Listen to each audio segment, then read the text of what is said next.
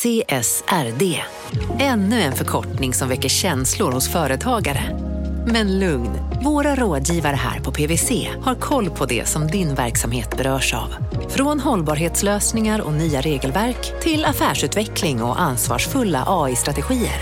Välkommen till PWC. Upptäck hyllade XPeng G9 och P7 hos Bilia. Våra produktspecialister hjälper dig att hitta rätt modell för just dig. Boka din provkörning på bilia.se xpeng redan idag. Välkommen till Bilia, din specialist på XPeng.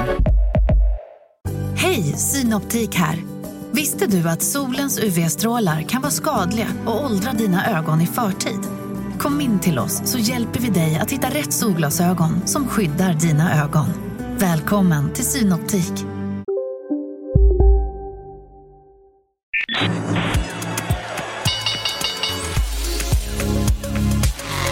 Här är Affärsvärlden Magasin med Helene Rådstein.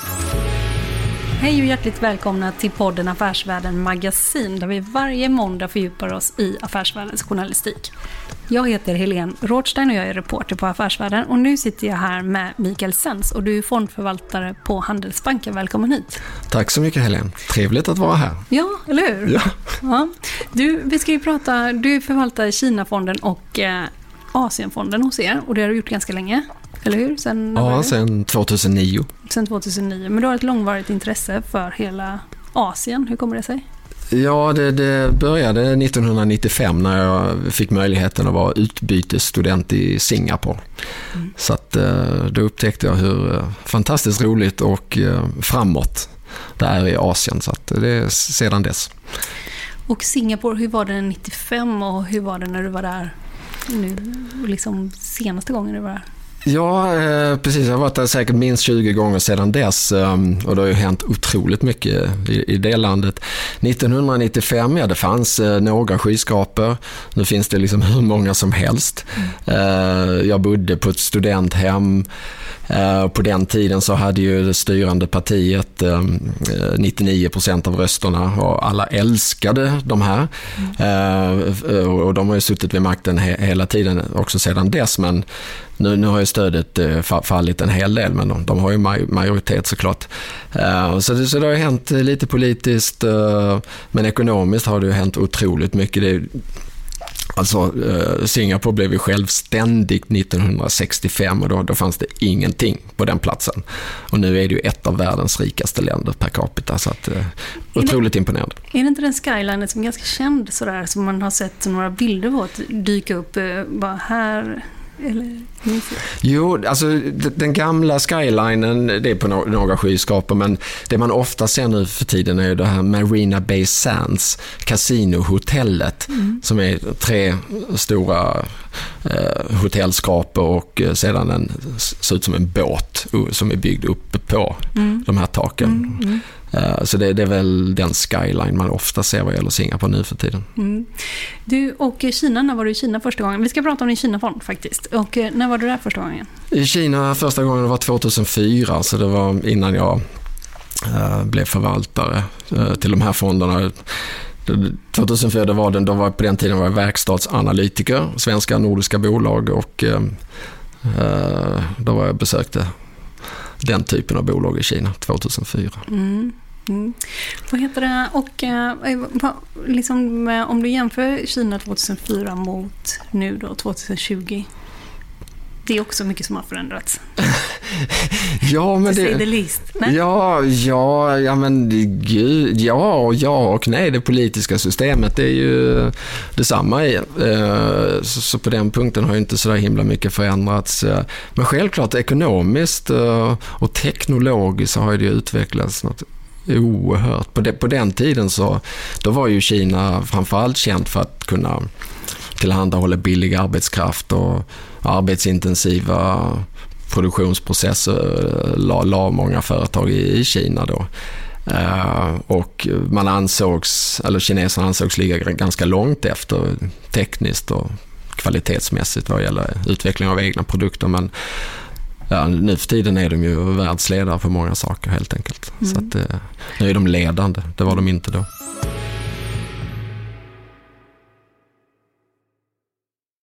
Marknaden sponsras av SPP, pensionsbolaget. Eh, förra gången pratade vi lite om ITP. Och som en kort repetition så, så var det ju 70-tal, arbetsmarknadens parter bestämde att alla tjänstemän ska ha en tjänstepension. Man kom överens om vilka villkor som ska gälla i den här pensionen och så kallade man den för ITP. Så jobbar man idag som tjänsteman i ett företag med kollektivavtal, då har man förmodligen den här pensionen, ITP-pensionen. Eh, och det är ju så att man kan påverka eh, den här pensionen, hur den är placerad. Vart femte år så gör nämligen Collectum, som de heter, en enorm upphandling där olika pensionsbolag kan ansöka om att få förvalta eh, de här pensionerna. Och SPP är ett av bolagen som valdes ut i den senaste upphandlingen. Och sen kan du som pensionssparare välja eh, vilket av de här olika pensionsbolagen som, som då ska få ta hand om dina pengar. Och tanken med den här upphandlingen är ju att liksom kvalitetssäkra de här olika alternativen eh, men också att förhandla fram stora rabatter så att pensionsspararna ska få ja, kunna spara pengar genom att avgifterna eh, som är så viktiga eh, blir eh, lägre. Och vill man välja någonting i ITP-systemet då finns det en relativt ny sajt som heter avtalat.se. Ehm, där kan man gå in och se hur sin ITP-pension är placerad. Jag gjorde det häromdagen faktiskt. Ehm, idén är att hälften av pengarna alltid ligger i något som kallas för traditionell försäkring. Det här gjorde vi ett avsnitt om i podden Kapitalet nyligen eh, som vi kallade världens bästa sparform. kan man lyssna på om man är intresserad. Eh, den andra halvan eh, den kan man också lägga i en traditionell försäkring eller så kan man placera det i något som kallas för fondförsäkring. Eh, SPP som sagt eh, var ju ett av de fåtal bolagen som valdes ut i den senaste upphandlingen och de finns med som alternativ både med en traditionell försäkring och med eh, fonder. Så det var en liten bakgrund till ITP-systemet. Vill man läsa mer om det här eller typ kolla hur ITP-pensionen är placerad, eh, kanske göra förändringar, då går man in på avtalat.se Eh, men tack säger jag till SPP som vill göra oss människor mer medvetna om hur enormt viktig pensionen är för oss som en framtida lön, men också som en positiv kraft i samhället eh, och förstås för att ni möjliggör eh, den här podden Marknaden.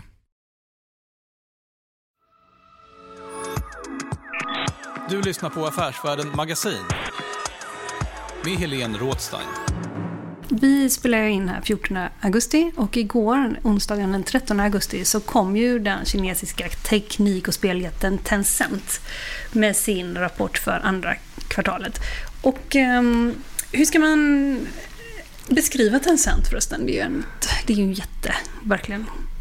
Hur, vad, vad, säger du? För de som aldrig har hört talas om Tencent, kan det finnas sådana lyssnare? Ja, det, det är många saker numera. Det är ett, eh, de har ett otroligt stort eh, och effektivt ekosystem in vad gäller digitala tjänster rent generellt. Men som exempel, du, du nämnde själv spel, speljätten, de, de är klart störst i världen på online games, mobilspel och mm. även online games totalt sett. Så det, det, det, är fortfarande en viktig del. Det var en väldigt viktig del för dem förut. Men sen har de den här WeChat, Weixin, kommunikationsplattformen där man, i vilken man kan göra precis allting. Eh, de satsar hårt inom fintech, eh, har tillsammans med då Alibaba, Ant Financial, alltså Alipay, Eh, ledande betalningslösningar i, i Kina och de satsar på cloud och, och media så de är som ett Netflix i Kina etc. etc. Så det är, som, det är väldigt många olika tjänster de har. All, allt man behöver en vanlig dag kan man säga. ja, ja, absolut. Nej, men kineserna använder ju sin, sin WeChat åtminstone varje dag. Mm. Definitivt. Mm. Eh, innan vi går in på den senaste rapporten så måste jag säga, när vi var i, i Peking, affärsvärlden var där för två år sedan, och det var ju ganska svårt att röra sig nästan utan att betala med de här WeChat och så, alltså som Tencent äger liksom, det var ju, vi kände oss som bönder många gånger när vi kom med våra kort och, och sådär. Mm. Alltså om man tänker så ekosystemmässigt. Och sen också liksom att skicka kontaktuppgifter. Och, ja. Det var ju liksom komiskt om man kom med sitt eh, visitkort och sådär. Det funkar ju liksom inte. Nej, eller? Nej, nej, nej. Du, du, har helt rätt. Nej, men det är ett... Har, har varit ett bekymmer, även för mig faktiskt, att om man kommer med kontanter och sina västerländska eh, betalkort så funkar inte det överallt. Det gör det inte, men det funkar på en del ställen. Så att man, man kan, man kan få lite mat i alla fall. Mm. Men nu den senaste rapporten, den landar ju något över förväntningarna på flera punkter. Vad, vad skulle du säga, var det en väntad rapport? Ja, I det stora hela så var det var ungefär som förväntat, som, som du är inne på, något bättre totalt sett.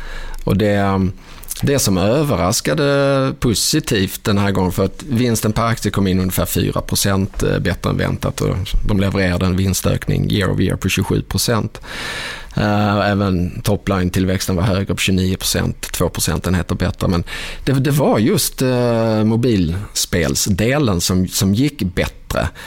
De ökade intäkterna med 62% jämfört med samma kvartal förra året. Och det, det, det, det var där avvikelsen låg egentligen mot förväntningarna.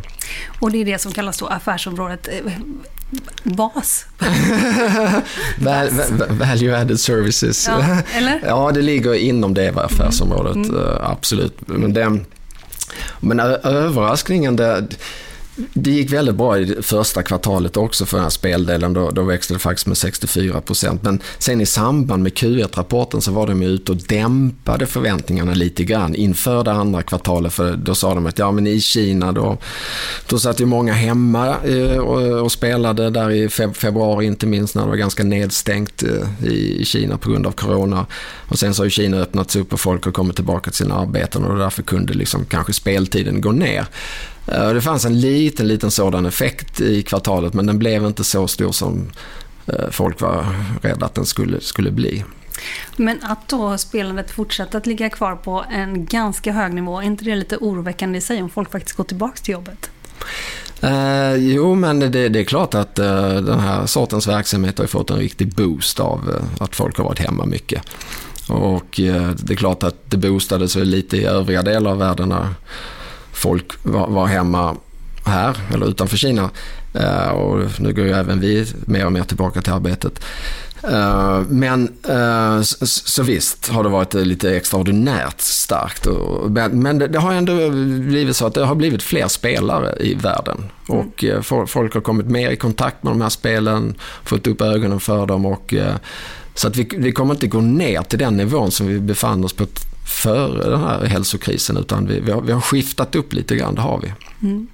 Ni har ju eh, bolag i Kina, i Taiwan och i Hongkong. Eh, Stämmer. Mm. Kan man säga. Och eh, vi, ni, ni, äger bland annat då eh, Hongkongbörsen. Och under den här liksom, krisen som har varit i Hongkong, eller protesterna och så, så har ändå Hongkongbörsen fortsatt uppåt kan man säga. Var, varför är det så? Uh, ja, uh, det kan man tycka är lite konstigt kanske då spontant. Men, uh, alltså kursen tänker jag. Ja, exakt. kursen i börsbolaget Hongkong, ja. börsen. Um, det beror ju mycket på att den här konflikten mellan USA och Kina har faktiskt lett till att många kinesiska bolag som faktiskt har varit börsnoterade och fortfarande är på New York-börsen eller på Nasdaq-börsen Eh, har valt, eh, för de är lite oroliga, eh, Trump har hotat med att slänga ut dem därifrån. Och, och, och, då har de börjat att ehm, göra, dubbelnotera sig så att man kan handla aktierna även i Hongkong i en del fall. Alibaba gjorde, genomförde det förra året så man kan handla både i New York och i, i Hongkong. Och, uh, under den senaste tiden så har vi sett bland annat att JD.com som är ett stort e-handelsföretag har gjort samma sak och även uh, spelbolaget, mobilspelbolaget NetEase har gjort det och, och, och, fler, fler kommer att göra det. Så att det, och de, de här aktierna, eller handeln i, i de här bolagens aktier som jag pratat om är väldigt stor. Så att det, det liksom ökar ju på omsättningen i, på Hongkongbörsen och det är bra för deras intjäning. Kan man tänka sig att de kommer lämna USA så småningom och bara vara på Hongkongbörsen? Eh, det och, kan man, och ja. helt riskfri miljö. ja, men det kan, man, det, det, kan man absolut tänka sig att, ja. att, eh, att, att utvecklingen så. blir sådan. Mm. Ja. Och, och det är det då man, som marknaden förväntar sig kommer Alltså det är därför som kursen i princip enligt dig då har stigit? Ja, alltså sen är det så att handeln i de här Hongkong-noteringarna kommer Dels, alltså om man tar kinesiska privatpersoner, eh, i allmänhet kan inte de handla aktier på, på New York-börsen eller på Nasdaq. Uh, men de många, men inte alla, uh, kan handla aktier på Hongkongbörsen. Mm. Så att um, då, då tillgängliggörs de här bolagen, de här aktierna för, för rätt många mm. kinesiska privatpersoner här mm. framöver. Mm. Så att det är, det är där de kommer att handla, uh, de här aktierna. Så att därför drivs ju omsättningen upp ganska mycket.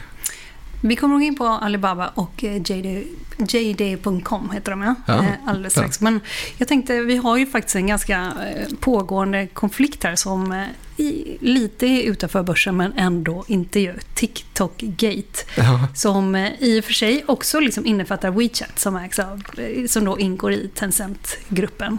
Ehm, där så gick USAs president Donald Trump han gick ut och sa att här finns en tidsfrist på eh, 45 dagar innan de här tjänsterna i praktiken spärras av från den amerikanska marknaden. Liksom. Och med tanke på att WeChat utgör en ganska stor del av kinesernas kommunika, vad ska man säga, kommunikativa infrastruktur. Liksom. Hur, hur, skulle, hur påverkade är Tencent av det här? Ja, eh, precis. Det beror på hur omfattande det här förbudet blir och eh, så som det är sagt hittills Uh, och åtminstone enligt Tencent, för de, de uh, pratade inte mycket om detta i, igår, det ville de inte för det, det pågår ju någon form av kommunikation här mellan bolaget och eh, administrationen i USA. Eh, men som, som det verkar just nu så är det ju då att WeChat helt enkelt inte kommer få lov att användas i USA. Och eh, WeChat som då har 1,2 miljarder användare totalt sett i världen men de flesta av de här finns ju i, i Kina. Eh, ehm, ja, har några, miljon, har några miljoner användare i, i USA. Så det är, det är en ganska liten marknad och om man tittar på annonsintäkter som som har med WeChat USA att göra så eh, är, uppgår det till mindre än 1% av de totala intäkterna för Tencent-gruppen. Så om de skulle försvinna så är det eh, ingen, ingen stor påverkan alls. Sen eh, om, om USA skulle få för sig att dra in eller inkludera alla Tencents olika spel, mobilspel i det här, ja men då är det kanske drygt ytterligare en procentenhet av intäkterna som skulle försvinna. Um, sen diskuteras det ju, eller spekuleras i att kanske amerikanska företag skulle förhindras att eh, eh, göra marknadsföring och, och, och köpa reklamplats på Weixin, alltså den, den kinesiska motsvarigheten till WeChat i Kina. Och Ja, då- som är WeChats Alltså med sista- Wii, kinesiska delen av Ja. Wii. Det, det, det, det är samma grej fast det är två olika appar. Och det är ju den delen som kineserna själva framförallt använder. Ehm, det är klart att då försvinner det ju lite reklamköpare där och det kanske är något större pengar. Bolaget fick den frågan på sitt call igår och, ehm, och då sa de ja, vi, vi, vi tror inte att det kommer bli fallet. eh, Så att, eh, amerikanska reklamköpare kommer spärras. Men, men skulle det ske så var de ändå rätt så lugna och, och sa att det, det finns många andra annonsörer på kö till de här platserna i, i Weixin. Mm. Så då, då tror de att intäktsbortfallet blir mycket, mycket litet därför att då kommer andra reklamköpare in och täcker upp.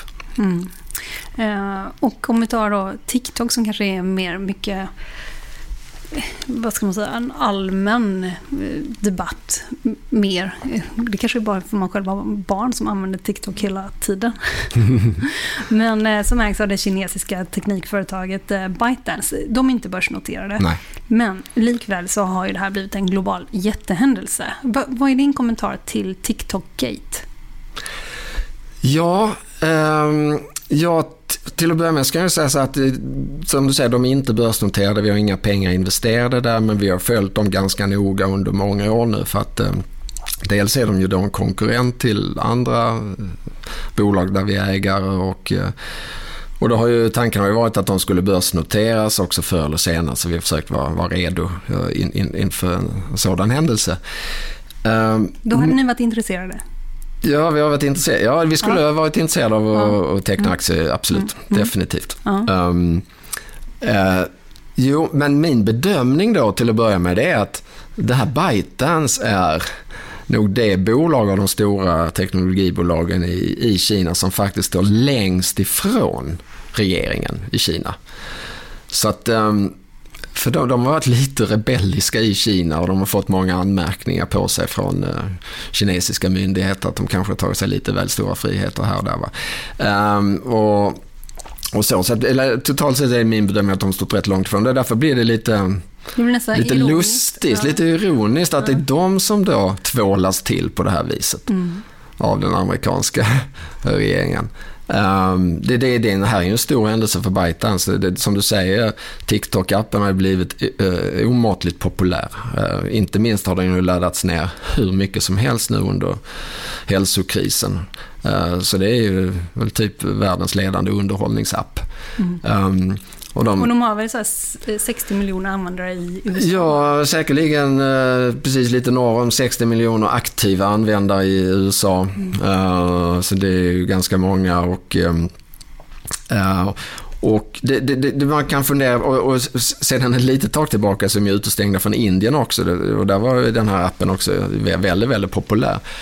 Efter en gränskonflikt? Precis, ja, ja. där väl ett drygt 20-tal indiska soldater uh, miste livet. Uh, men um, sen kan man fundera på då, okej, okay, uh, liksom nätverkseffekterna, om, om man tappar då alla de här indierna, man tappar alla amerikanerna som, som användare i det här systemet eh, minskar då utbudet av god underhållning för de andra. Kan, kan det finnas en sån långsiktig effekt möjligtvis kan man fundera på. Det här skulle kunna drabba appen kanske i andra marknader också rent liksom affärsmässigt därför att mängden underhåll eftersom det då är användarna själva som skapar ju allt innehåll och underhållningen i, i den här appen. Det här, det, här, det är en stor grej, känslig grej. Eh, sista ordet är inte sagt där riktigt än. Vi får se vad som Nej, händer. Och, och, kritiken från amerikanskt håll, det handlar väl mycket om att man säger att de samlar in för mycket data liksom, kring amerikanska barn till exempel. och sådär. Mm. Eh, kan du förstå den här kritiken någonting? Det är klart de samlar in en, en hel del data. Det gör ju alla sådana här digitala plattformar. Liksom, eh, eh, och, och, helt enkelt. Va? Så det, det, så är det ju. Eh, men, men frågan är ju, kommer man att lämna över den här till, till någon regering som, som i sin tur skulle kunna få för sig att använda den här datan på, på något konstigt sätt. Det, alltså de, de hävdar ju själva att de absolut inte lämnar ifrån sig det här. Mm. Um, mm. Det, det, har ju också diskuterat att det här liksom förbudet skulle framtvinga en affär där andra amerikanska techjättar som Microsoft och sådär skulle gå in och köpa TikTok. Och det har också ironiserats ganska mycket att vad blir eh, presidenten då? När han, agerar han plötsligt som en investmentbank och sådär? Har du något eh, kommentar kring det? Ja, till att börja med är det extremt konstigt om de, han skulle få, eller regeringen skulle få en, en andel av försäljningspriset. Ja. Det, det, tror jag inte kommer att bli så. Det, det, det är för sjukt alltså. Uh, men, uh, men verkligheten är ofta bra på det sättet. Det händer sjuka grejer. Ja, ja det, jo, ja. det, det, har, vi fått vänja oss vid ja. lite grann. Mm. Men, uh, Uh, nej men det här är ju en framtvingad försäljning. Det är klart att prislappen och forcerad försäljning om det är så. Det är klart att prislappen och köparen, köparen har ju Eh, förhandlingskraft i så fall. Och det är klart, vi vet ju alla att det är Microsoft som pekas ut. Sen har Twitter då varit vid diskussionsbordet också då sägs det. Men de enda som egentligen har tillräckligt med pengar och eh, egentligen teknisk förmåga att ta över det här är ju, är ju Microsoft. Då, för det är ju enorma datamängder som ska överföras tydligen. De här AI-koderna som ByteDance har som är hemligheten bakom framgången är ju enormt omfattande datamängdsmässigt och komplicerade. Så det, det, man hör från vissa källor att det, det skulle ta ett helt år att bara överföra all, alla de här koderna från Kina till, till servrar i USA till. Uh, så det, det, är, det är en väldigt uh, tekniskt komplicerad ja. affär. Ja. Har du något, kan du säga vad du tror kommer hända? Uh, Ska man gå lång Microsoft? Uh, ja, den, igen? Igen, ja det, det, är ett bra bolag på många sätt så det mm. kanske man kan göra på lång sikt i alla mm. fall mm. Uh, oavsett. Mm. Um, ja, den gick ju först upp på det för man tänkte wow, då, då kommer de in, lägger beslag på en av världens mest attraktiva appar till, till, ett, då, till under marknadspris. Um, men sen backade den igen när man insåg att det kanske inte blir... Jag, jag, jag, det, det svänger ju fram och tillbaka hela tiden. Så att, eh, jag, jag, vet faktiskt inte vad som kommer hända. Vi får avvakta och se. Deadlinen är ju september, mitten på september.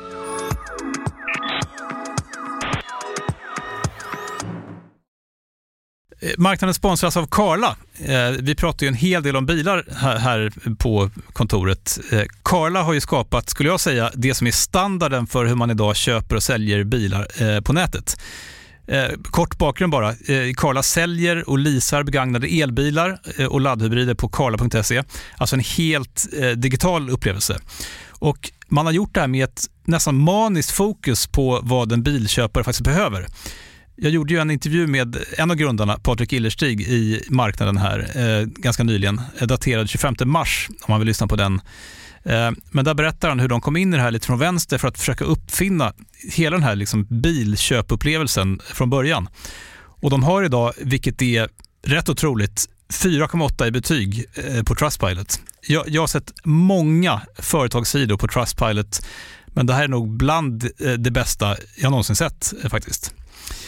Man kan sälja bilen till Karla också. Eh, då går man in på karla.se, delar lite info om bilen, sen får man en gratis värdering och ett bud de hämtar bilen helt gratis i hela Sverige och så har man pengarna på kontot i samma stund som de hämtar bilen.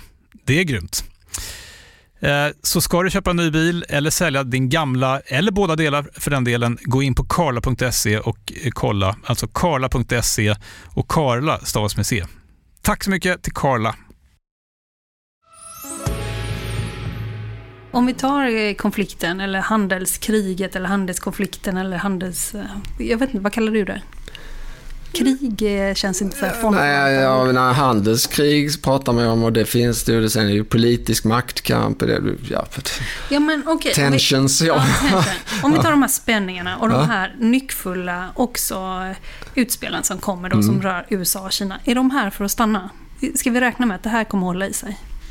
Ja, det kommer inte försvinna helt och hållet för det är två, de två ledande nationerna ekonomiskt eh, och därmed också politiskt i den här världen. Eh, förr i tiden var ju Kina inget varken ekonomiskt eller politiskt hot mot USA men de, de har vuxit sig större och, och utmanar om någon form av världsledarskap. Kommer göra det, i alla fall ekonomiskt. Um, det kommer ju inte försvinna, den situationen kommer ju kvarstå. Um, sen tror jag att um, ändå, men, men det är så många säger, de här, de här två stora nationerna, de måste bara lära sig att samexistera. De kan inte gå i riktigt krig med, med militärt krig med varandra. Det, det funkar ju inte. Då går det mest åt pipan. Eh, så så de, de, måste sätta sig ner och starta om. Jag, jag, tror att man, det finns faktiskt vissa förutsättningar att det kan ske efter det amerikanska presidentvalet. Varför? Alltså varför inte nu? Det, behövs det här för i Ja, det, det, är ju populärt i USA att, att inte gilla Kina. Eh, just nu i alla fall. Och eh, Trump han kör ju stenhårt på den linjen då för att såklart få så många röster som möjligt och hitta den här yttre fienden som kan släta över eventuella eh, misstag som har skett inrikes.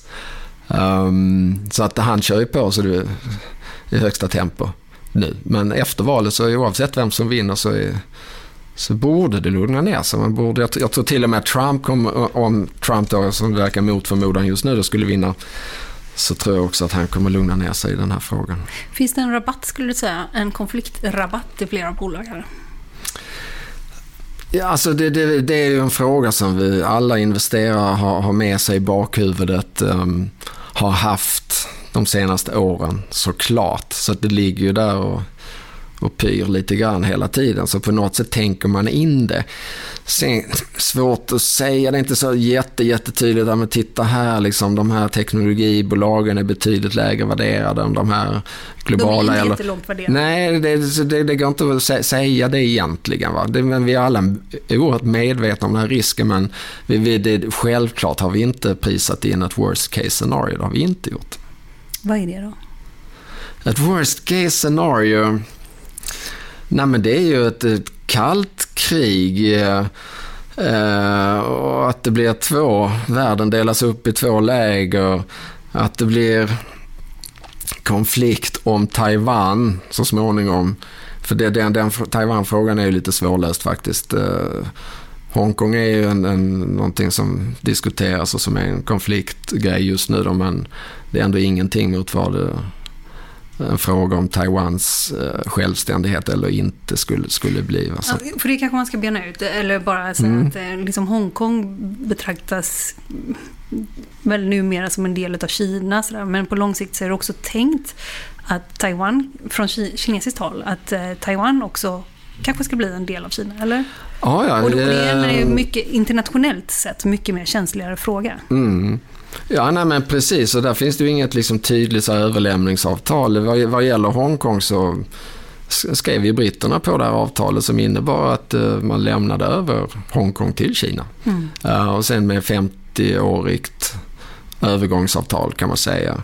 Uh, som löper ut 2047 och sen är det såklart många som har synpunkter på att eh, Kina, de tycker kanske att Kina inte följer det här avtalet till, till 100 procent. Um, uh, och i alla fall inte andemeningen i det, va, tycker britterna. och sådär, Men, men det, de facto så är ju Hong, Hongkong tillhör Kina. Så mm. Mm. I, I den meningen ja. Kan ju Kina göra, göra, inte vad de vill, men det, det går ju inte. Men, eh.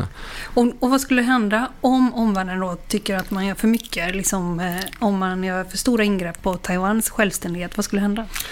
Ja, för där finns det ju det är ju, de allra flesta länder i världen er, har ju inte erkänt Taiwan som en egen stat till exempel.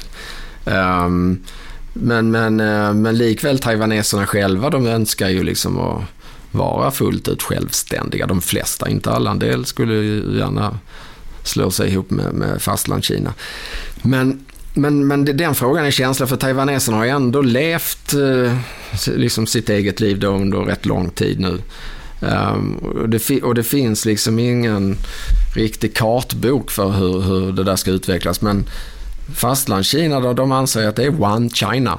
Mm. Och förr eller senare så ska vi bli ett. Mm. Eh, fullt ut, förr eller senare. Men, och, och då, då kanske det mm, ja, det har inte sagts någonting om en speciell tidtabell, va? Men, men kineserna har ju börjat prata mer och mer om det här så att det, de, de verkar vilja komma framåt i den här frågan. Men då, självklart så vill de ju att det ska gå fredligt till så de vill ju övertyga taiwaneserna om att eh, det här är en bra idé.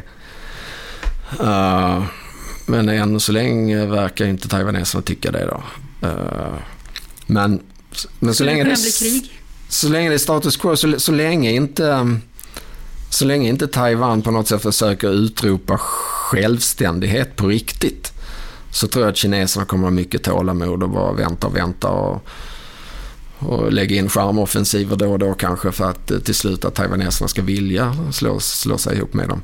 Uh, men uh, om, uh, men om, om det blir ett utropande av självständighet då, då tror jag att kineserna blir jätteirriterade. Mm. Så då vet jag inte riktigt vad som händer från det hållet och om det händer någonting militärt då så kanske inte USA kan låta det vara.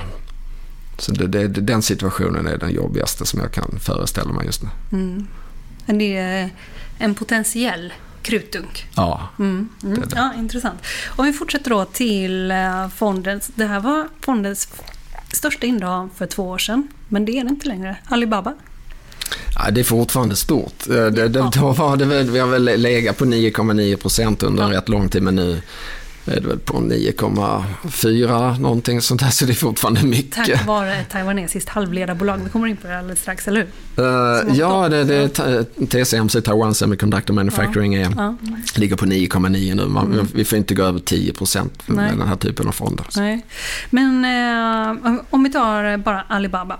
Man kan inte jämföra denna kinesiska retail-jätten helt med Amazon för de har inga la egna lagersystem och allt där som Amazon har. Ja, de har mycket system har de, men inte så, så, så mycket egna lager därför att eh, den skillnaden är ju, klart att de är ju båda superduktiga inom e-handel men Alibaba-modellen är, ja, är, Alibaba-modellen är att som du säger inte ha så mycket grejer i eget lager utan man eh, förmedlar ju mest affärerna mellan köpare och säljare. Mm. Men, men system har man så, så det räcker till. Um, så det blir ju egentligen en lite kapitallättare affärsmodell. Den som Amazon har, där Amazon står ju för en väldigt stor del av hela logistiken själv. Mm. Men de är också, äh, Alibaba, de är också liksom, de är klart äh, störst i Kina på molntjänster. Och sen så har de också, de är väldigt duktiga inom fintech kan man säga också, eller hur? Men... Ja, och där, där tillsammans med Tencent så är de ju totalt dominerande ännu så länge i Kina på betalningslösningar, mobi, mobila betalningslösningar. Mm. Uh, och um, vad gäller fysiska, när man går kör med sina QR-codes ute i butiker så, så är väl Tencent lite större än Alibaba vad, vad gäller antal transaktioner i alla fall. Men totalt sett i, i värde på online-transaktioner så är Alibaba större. Eller via Alipay som är, det ägs av Ant Financial där Alibaba äger 30 procent. Mm. Um, men det, det är mycket för att e-handeln, när du köper dina grejer på nätet så, och använder Alipay då och gör det via Alibabas eh, plattformar så, så är det värdet större än, än om du springer ut och köper en glass på stan. Men om man tar det, det kommer ju upp ganska många liksom konkurrenter, inte minst det här JD.com och eh, vad heter de? P Pindondo? Ja, pin, Pindodo. Pindondo. Ja. Pindodo. ja, P, vi kan kalla det för PDD, det är börskoden ja, i USA. Ja, vad, vad. Men, eh, för det känns som faktiskt att det, är en massa betoningar som blir lite eh, knasigt med kinesiska ord, eller? Ja, betoningar? Ja. ja vid namnen? Ja, ja, ja, ja men det, det, precis. Det här stavas ju PIN, P, som en pinkod, P-I-N, D-U-O. Mm. D-U-O. Mm. Men, men uh, U, U, uttalas ju som ett O på kinesiska ja, oftast. Det, och, så, och, och, och, sen uh, O är oftast mer som ett Å. Så det blir Pindo, Do. Ja. Ja. ja. Men, eh, och de, eh, de växte sig eh, stora i mindre städer och sen så har de vuxit in i stora städer till skillnad från Alibaba just som växte väl i stora städer och sen mindre. Kan man säga så? Ja, absolut. Det är en jättebra beskrivning, ja. Helene. och liksom, vad är grejen med de här nya uppstickarna som kommer, skulle du säga? Ja, om vi tar Pindo då så de, de satsade mycket på liksom sociala features i, i, i, sitt, i sin tjänst. Så att det, det var lite group buying över det hela. Men så att om du Ja, om du hittade en vara och sen om du lyckades få med några kompisar på att också köpa den så kunde ni få en, en attraktiv eh, volymrabatt tillsammans. Mm. Mm. Um, det känns som många mobiloperatörer jobbar så mot ungdomar här i Sverige väl? Värva en kompis. Ah, ja. Ja, ja, precis. Ja, ja. Exakt. Mm. Fast där ska du då precis värva dem till varje, varje köp om jag förstår saken rätt. Mm, ja. Nej, men det, den appen, den, den har... Eh, och sen så har det varit mycket value for money saker som har uh, sålts via deras plattform. Så att om, om, man vill göra ett klipp helt enkelt och köpa billigt så, så, så, är det dit man har gått. Alibaba ja. har haft egentligen satsat mer på eh, bra varumärken och, mm. och så. Så att det har skilt också lite i price points eh, mm. på varorna generellt sett. Men, nej, men den här Pinduoduo um, bolaget och deras appar det, det har blivit jättepopulära. Det är sjukt många som använder dem och de, de växer så det knakar. Bolaget på topline. Uh, och eh, de börjar närma sig lönsamhet också. Ja. Har, har, ni dem? Ja, ja, vi har mycket mer Alibaba men vi har lite av dem också. Mm. Och de här JD.com, där var jag faktiskt hälsat på deras kontor. Har du varit där? Eh, inte på deras kontor, nej. nej. Det kändes ju väldigt poppigt när man var där. Det kändes ju som att komma in i, i framtiden lite. När man, ja, vad roligt. Jag får åka dit snart. Ja, ja, det får du göra. Men också liksom, man gick in också i deras butiker. Och, alltså det här var ju, som, som sådana kontor kan vara, så är det ju PR, de funkar ju som PR-maskiner, sådana här kontor, för att visa hur, hur bra man är på olika sätt. Men det som de pratade om då, det var olika logistiklösningar, detta var två år sedan. Och de pratade också om att de skulle med e-handel hålla på med drönare, eh, om jag minns rätt och mm. förstod rätt. Eh, liksom, eh, ja, transportmässigt så skulle man jobba med drönare och boxar och sådär på olika ställen. Eh, men de är ganska bra på logistik eh, överhuvudtaget, eller? Ja, de, har ju då en affärsmodell som påminner, skulle jag säga, ganska mycket om eh, Amazons. Mm. Så de är mer kapitaltunga. De bygger stora lagerlokaler och hanterar logistiken ganska integrerat. Mm. Så de har satsat mycket pengar på det. Vilket faktiskt gjorde att de klarade sig bäst i början på coronakrisen i Kina. För då skulle folk e-handla. Eh, men när det stängde ner lite överallt och även fabriker stängde ner så blev, så blev det ju lite brist på varor då. Och då blev det Alibaba som då egentligen förmedlar och flyttar varan från, från fabriker lite mer just in time via olika kedjor till, till kunden. Hade problem att leverera för att fabrikerna liksom var inte igång. Men eh, Jingdong, eller JD, eh, hade ju liksom rätt välfyllda egna lager med grejer. Mm. Så att de kunde under de här första veckorna och de kan leverera ganska mycket. Så då, då tog ju de klart marknadsandelar för då, de kunde leverera. Mm. Eh, så då, i det läget visade sig den modellen vara var bättre på kort sikt i alla fall. Mm. Eh, kommer den här shoppinghysterin som väl har varit i alla fall, eller är i Kina, kommer den hålla i sig? Jag tänker på single state till exempel, känns ju som utifrån sett som en jätte, jättestor högtid ju. Mm, ja. Alltså en uh, jättestor underhåll. Jag vet inte om man skulle jämföra det Melodifestivalen. Ja, precis. Men det känns som en riktig underhållningshögtid. Kan all, all, alla, alla är med och alla, alla kollar. Ja, eller som mm. Melodifestivalen liksom var förr kanske. Jag vet inte. Mm. Um, ja, men kan du jämföra med någonting här? För, för nej, men det har du, vad samlar alla vid ett tillfälle? Uh, nej, men det, det, har ju blivit en, en, en, stor festival från att egentligen bara varit... Liksom- Internetfestival? E-festival? Ja, ja, ja precis. Ja. Och sen så går det via tv och allting. Det är ju mm. liveshower. Och det var ju Alibaba som började 11.11 Singles Day men sen har ju de andra e-handlarna hängt på. Mm. Så att det är ju flera parallella galor så som pågår den, den dagen. Uh, nej men det, det, det är som säger en högtid plus att uh, man kan ofta handla väldigt billigt. Man kan göra riktiga klipp, verkligen. Mm. Så det är lite Black Friday en masse mm. uh, den dagen. Så, På steroider, typ. Ja, mm. så att um, konsumenterna de, de, de, de, har ju fått uh, oftast uppgift i förhand på vad, vad som, vilka erbjudanden som kommer att finnas. Mm. Och uh, liksom, så de första sekunderna, minuterna i, under liksom den, det dygnet kanske, då, då, då, då händer hur mycket som helst. Folk vill inte, alltså, vill inte att den där grejen ska ta slut. tänk Bingolotto-gånger. ja. Blandat med, jag vet, nej, jag vet inte, vad, vad, kan vi jämföra med någonting? Nej. Inte riktigt? Uh, nej, jag vet inte. Vi, vi, har ju ingen, så vitt jag vet, någon sån shoppingfestival här. Uh, väl, ja, Black Friday, men ja. Men, om, jag, jag, personligen så brukar inte jag tänka så mycket på Black Friday, men det kanske är många andra som gör. Ja, och, och det kan det vara. Men, men framförallt så är det ju var människas enskilda sak, kan man ju säga. Det är ju ingen som samlar riktigt till ett event. Uh, i, I Sverige i alla fall, väl? Black Friday. Nej, alltså, inte, du, inte vad jag känner till. Nej, nej inte nej. vad jag heller känner till. Men ja, det är möjligtvis fel eh, målgrupp. Jag, jag, ja, nej, men, jag vet det kanske sker någonstans på internet som inte du och jag känner till. Internets, ja. Du, ähm, ja, men tror du att den shoppingglädjen sådär håller i sig? För den verkar ju vara väldigt stark. Ja, varför, finns... jag förstår inte varför. Nej, jag har svårt att säga att den skulle förändra sig. Ja, du har det. Även om man pratar klimat, man ska inte konsumera så mycket, man ska vara man ska handla second hand. Alltså den uh, retoriken i alla fall. Ja, ja nej, men det, den uh, blir ju allt viktigare även i ett land som Kina. Och Kina som land, de satsar ju faktiskt, tycker jag, stenhårt på, på miljöfrågorna. Mm. Uh, framförallt från regeringens sida. Mm. Uh, så det, det, det, går framåt. men det är klart, kineserna älskar att shoppa. Så det kan, nog, det kan nog ta tid innan de får för sig att sluta shoppa för att eh, rädda klimatet. Men det, de kanske en, förändrar liksom vad de shoppar. De kanske tänker på lite, lite mer på varje produkt. Men jag ska inte säga att det, det, det känns supertydligt ännu så länge. Nej. Men det, det kommer nog.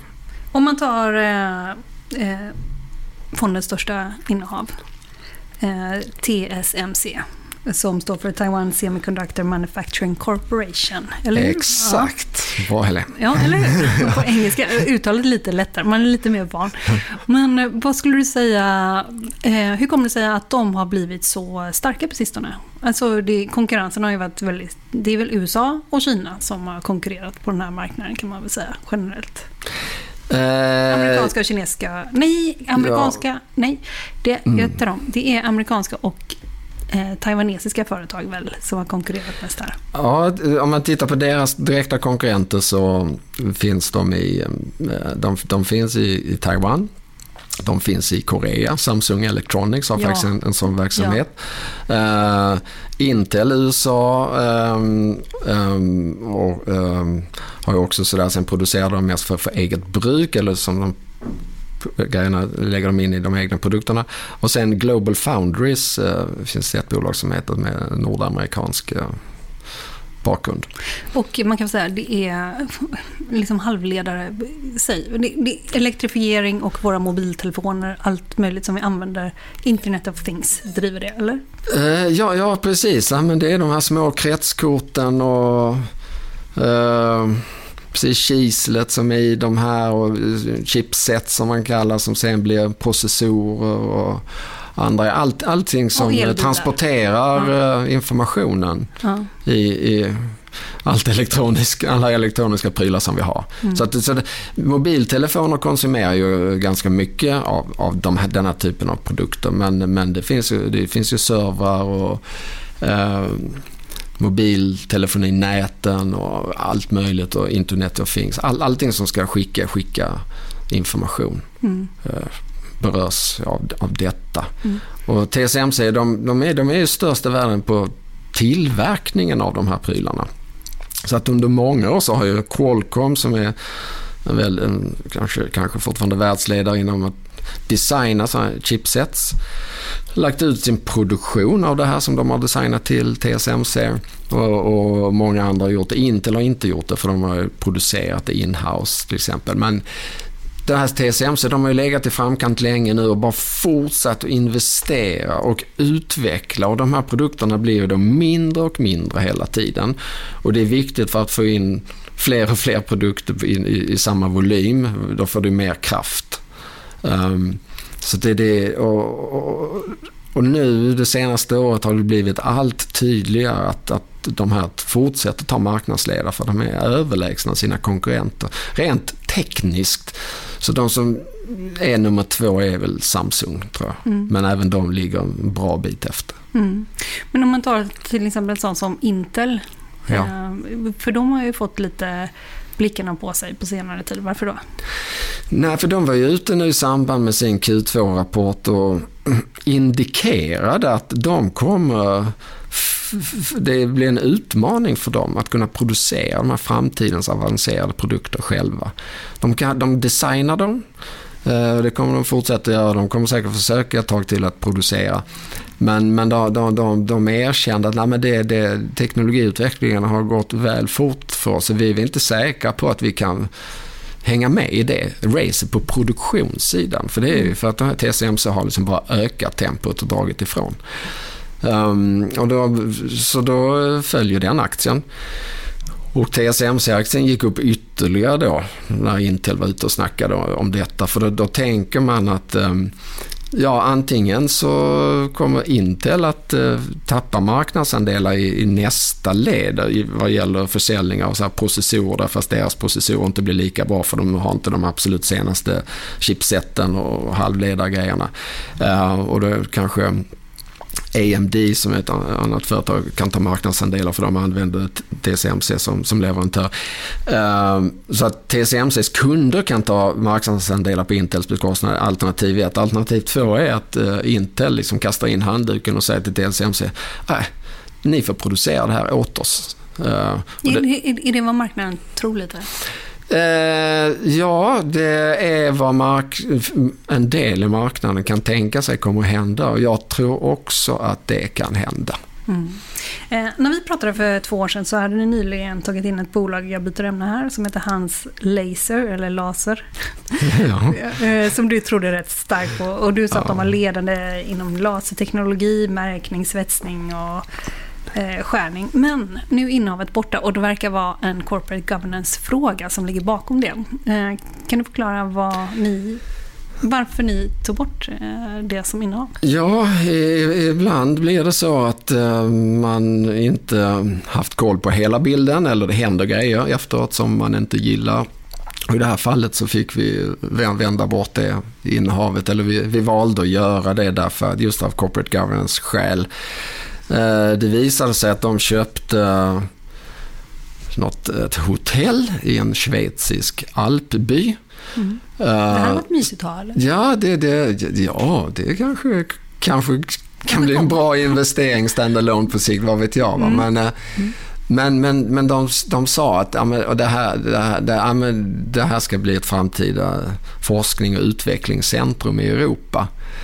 Men, men det, det, den förklaringen lät jättekonstig för att den här alpbyn ligger inte nära någon liksom infrastruktur i övrigt som, som skulle vara nödvändig för, för en sån operation. Och liksom, eh, ska massa människor flytta dit då? Det, ja, det, det, det var konstigt. så att eh, Slutsatsen man fick dra var nog att i det här fallet så var det kanske huvudägaren som ville åka med skidor i Schweiz. Ja. Um, och bo på fint hotell. Då kanske, eller, eller så var det en sidoverksamhet. Liksom. Han, han trodde att det här hotellverksamheten kanske kan vara bra på egna ben. Då. Men vi, vi, vi, vi fick lite luddiga förklaringar till, till, till det där tyckte vi när vi ställde frågor kring det. Och så då, då, då blev det så här att nej, men då, nej, då har vi en liten fläck här att ta hänsyn till och då, då minskade vårt förtroende lite för bolaget. Temporärt för, i alla fall. Ja, för oavsett vad det berodde på så kändes det inte som, som det var som bolaget sa i alla fall. Nej, inte, inte, inte riktigt. Vi fick ingen tydlig förklaring till det. Mm. Um, nu tror jag, men det har inte hängt med riktigt i nyhetsflödet ska jag erkänna, men jag tror att de har annonserat att de ska sälja det där. För att de, de, de har nog fått en hel del kritik från många håll. Ja, alltså? Ja, jag tror det. Men mm. ja, så frågan var ifall det var liksom jätte, vad heter det, chalet, chalet, chalet, stuga i Alperna. ja. Men det kallas ju så. Eller ifall det skulle vara en forskningsanläggning. Ja, den som lever får se. Mm. Men jag säger tack till dig Mikael Sens, fondförvaltare på Handelsbanken, för att du var med i podden Affärsvärlden Magasin. Och vi kommer ut varje måndag och håll ut till nästa vecka. Hej då! Hej då, tack så mycket Helene. Tack, hej. Du har lyssnat på podden Affärsvärlden Magasin som utkommer varje vecka. Jag heter Helene Rothstein och mer fördjupande journalistik om näringslivet och om börsen det hittar du i magasinet Affärsvärlden och på sajten affärsvärlden.se. Och podden, den är tillbaka om en vecka. Håll ut!